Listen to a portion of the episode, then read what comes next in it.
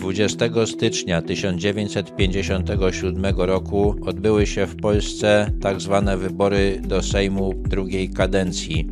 W poprzednim roku miało miejsce wiele szczególnych wydarzeń. Ogłoszono amnestię, na mocy której wypuszczono z więzień wiele tysięcy więźniów politycznych. Doszło do krwawych rozruchów w Poznaniu. W październiku objął władzę Władysław Gomułka. Doszło też wtedy do wybuchu powstania na Węgrzech. Został zwolniony z internowania prymas Stefan Wyszyński.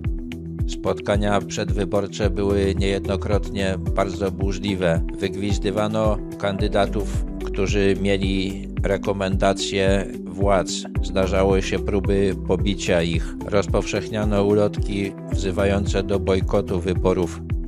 Ludzie podejmowali próby zgłaszania lokalnych list wyborczych, do czego formalnie mieli prawo, ale komisje wyborcze odmawiały rejestrowania tych list. Ostatecznie wyborcy mogli głosować tylko na jedną listę, tak zwanego Frontu Jedności Narodu, skupiającego wszystkie organizacje polityczne, których istnienie komuniści dopuszczali.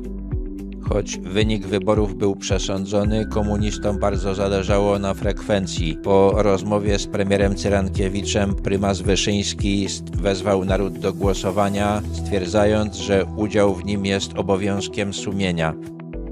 Trakcie kampanii Władysław Gomułka stwierdził: Tylko Polska socjalistyczna może figurować na mapie Europy jako państwo niepodległe i suwerenne. Wezwanie do skreślania kandydatów EZPR z kart wyborczych jest równoznaczne nie tylko z wezwaniem do przekreślenia socjalizmu w Polsce. Skreślanie kandydatów naszej partii to przekreślanie niepodległości naszego kraju.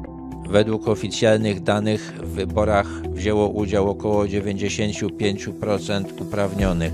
W okręgu wyborczym w Nowym Sączu doszło do wydarzenia bez precedensu. Jeden z kandydatów nie uzyskał wymaganej większości i wybory musiały zostać powtórzone.